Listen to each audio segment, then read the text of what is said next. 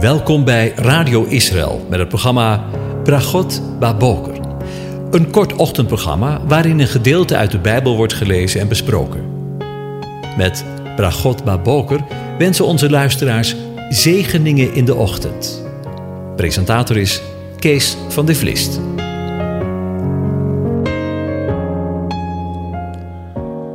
Goedemorgen, Bokatov, beste luisteraars. Vanmorgen gaan we weer verder met Psalm 90. Ik lees het je voor. Een gebed van Mozes, de man Gods. Heere, u bent ons geweest, een toevlucht van generatie tot generatie. Al voor de bergen geboren waren en u de aarde en de wereld voortgebracht had, ja, van eeuwigheid tot eeuwigheid, bent u God.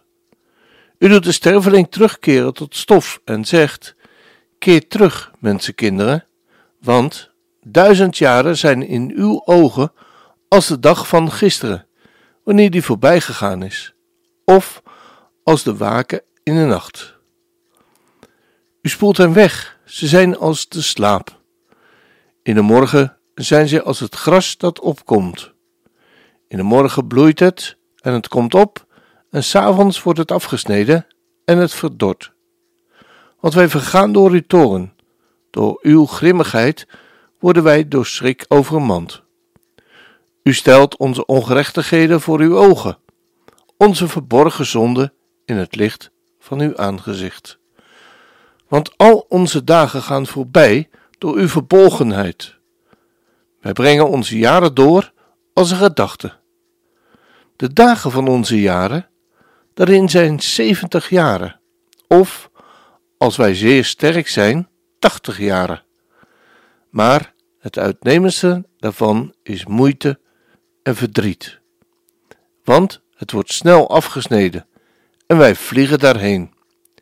Wie kent de kracht van uw toren en uw verbolgenheid?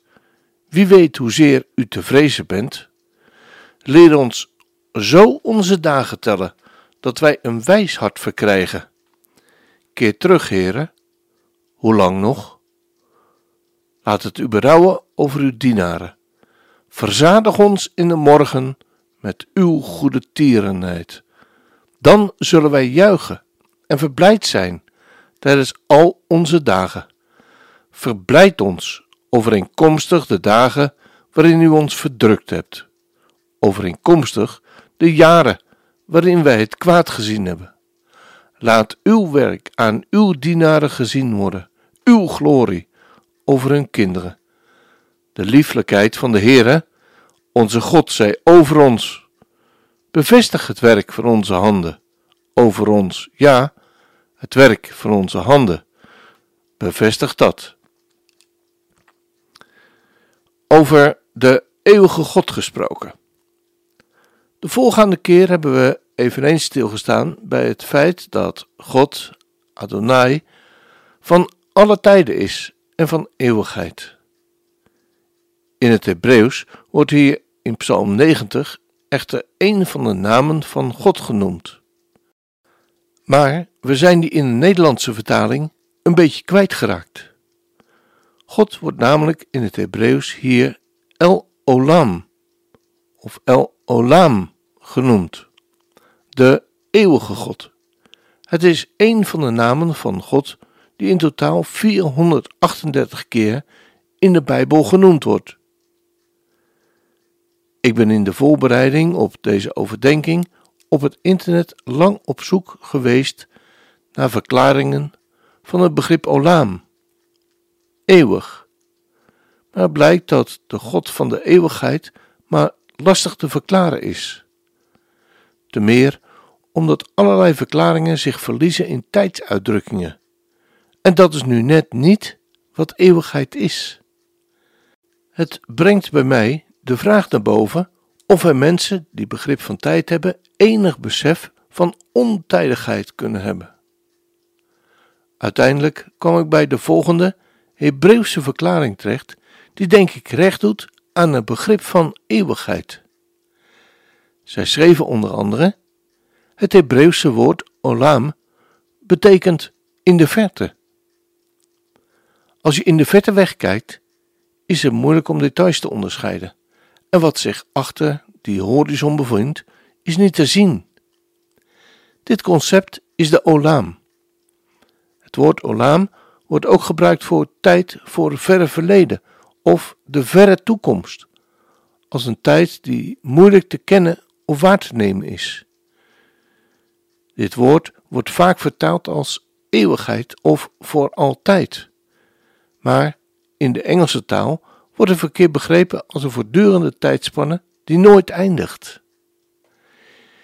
In de Hebreeuwse geest is het gewoon wat zich op of achter de horizon bevindt.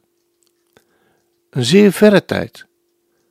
Een veel voorkomende uitdrukking in het Hebreeuws is El Olam Va'ed en wordt gewoonlijk vertaald als voor altijd en altijd.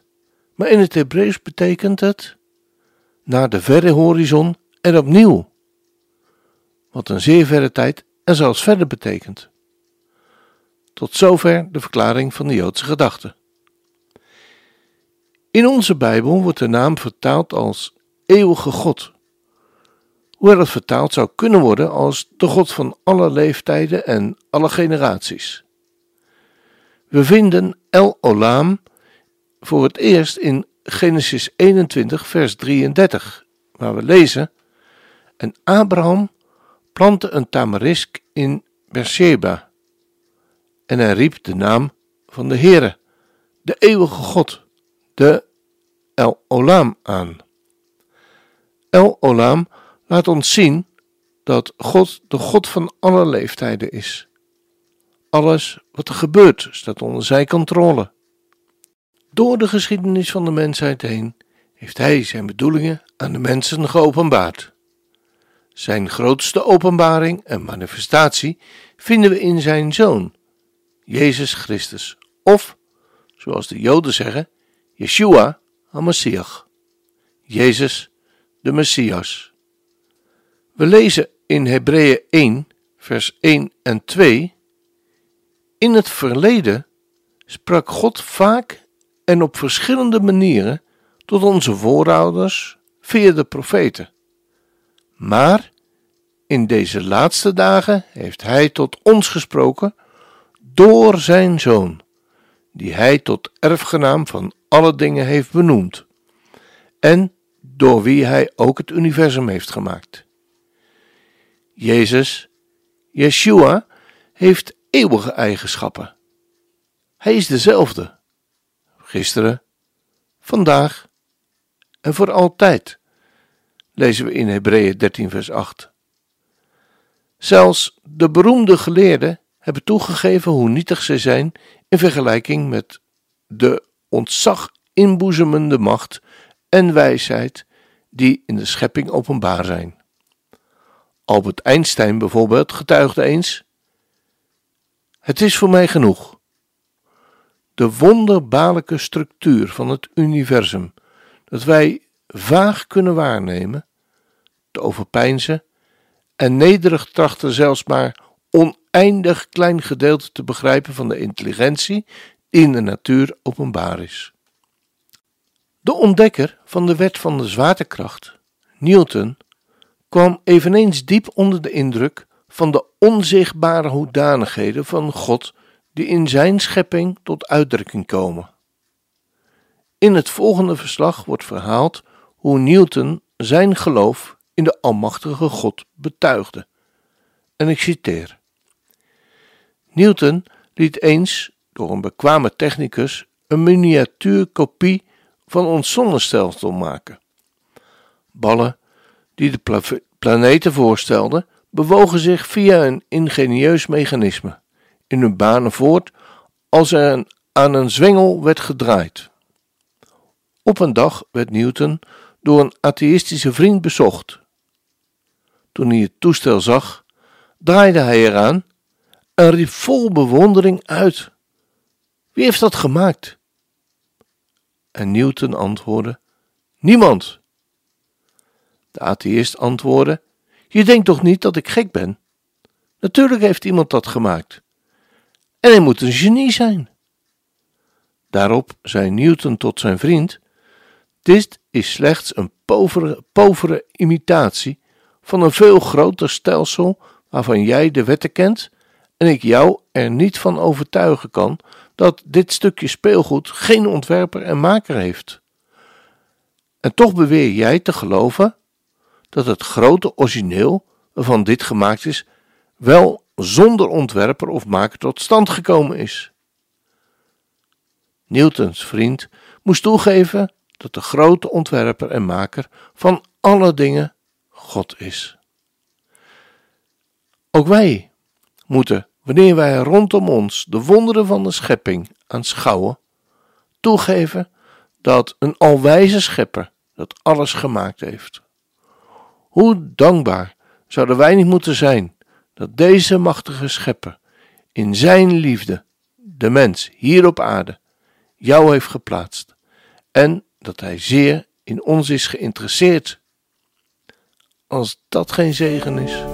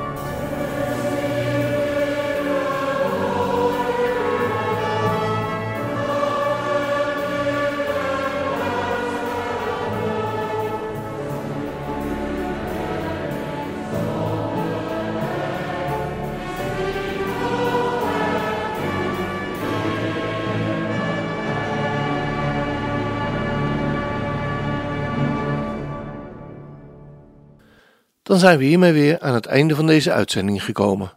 En wens ik je Gods onmisbare zegen voor vandaag. De Heer zegene en hij behoede je. De Heer doet zijn aangezicht over je lichten en is je genadig. De Heer verheffen zijn aangezicht over je en geef je zijn shalom, zijn vrede. Amen.